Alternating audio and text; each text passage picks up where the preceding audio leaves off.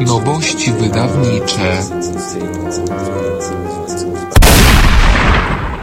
Witam w kolejnym odcinku serii audycji serwisu Infra pod tytułem Nowości wydawnicze. Mówi Skubany. W tym cyklu prezentuję najciekawsze pozycje książkowe związane z zagadnieniami zjawisk paranormalnych, zagadek ludzkiego umysłu, naszych pradziejów oraz możliwościami człowieka. Dziś chciałbym polecić trzy tytuły. Pierwszy z nich to coś dla miłośników medycyny wschodu. Ayurveda, medycyna indyjska, Moniki Ptak. Ayurveda dosłownie oznacza wiedzę o życiu.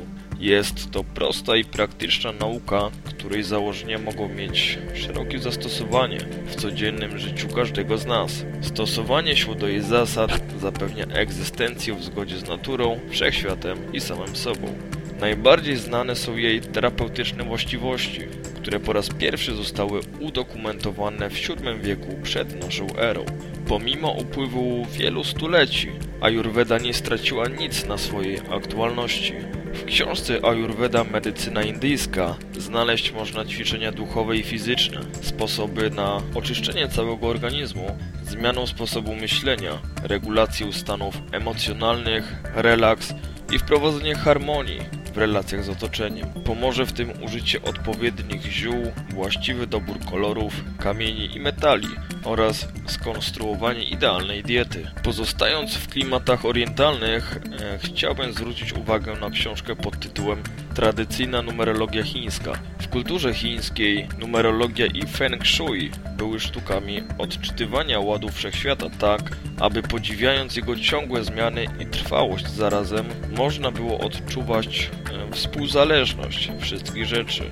Były elementami samopoznania i samodoskonalenia wewnętrznego. Podstawą tych sztuk była wiedza wypływająca z obserwacji mądrości przyrody.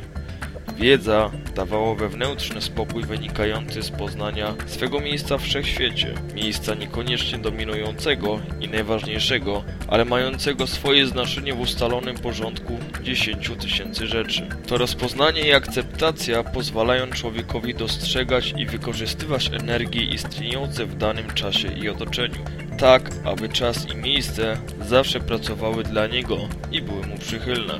Na koniec parę słów o niezwykle interesującej książce Wojciecha Chudzińskiego pod tytułem Goście z zaświatów. Publikacja przeznaczona jest dla osób zafascynowanych ezoteryką i zjawiskami paranormalnymi, a w szczególności problematyką spirytyzmu i mediumizmu. W pierwszej części książki autor przedstawia postaci historyczne, na których biografiach odcisnął się kontakt z tak zwaną inną rzeczywistością.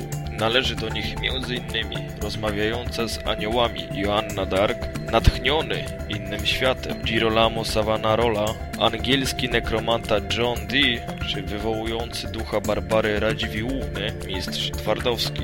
W drugiej części prezentuje galerię indywidualności, w których kontakt y, z inną rzeczywistością zamanifestował się pod postacią twórczości artystycznej. Nie mając wcześniej żadnych osiągnięć czy talentów, nagle dokonywali oni doskonałej imitacji dzieł nieżyjących już mistrzów. Wojciech Chudziński stara się wyjaśnić, co może kryć się za niezwykłymi umiejętnościami osób, które odniosły sukcesy jako medium. Próbuje odpowiedzieć na pytanie, czy opisane historie można wytłumaczyć na gruncie współczesnej psychologii, czy też niezbędne jest odwołanie się do metafizyki i dostrzeżenie w tych kontaktach ingerencji czynników zewnętrznych. Książka ukazała się już w 2010 roku, ale nadal jest dostępna, m.in. w księgarni miesięcznika Nieznany Świat, który przy tej okazji polecam.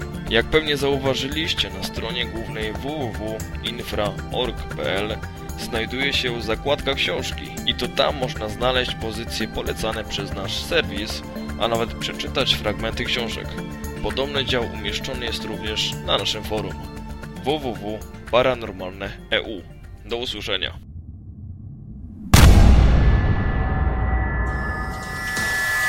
Produkcja i realizacja Portal Infra www.infra.org.pl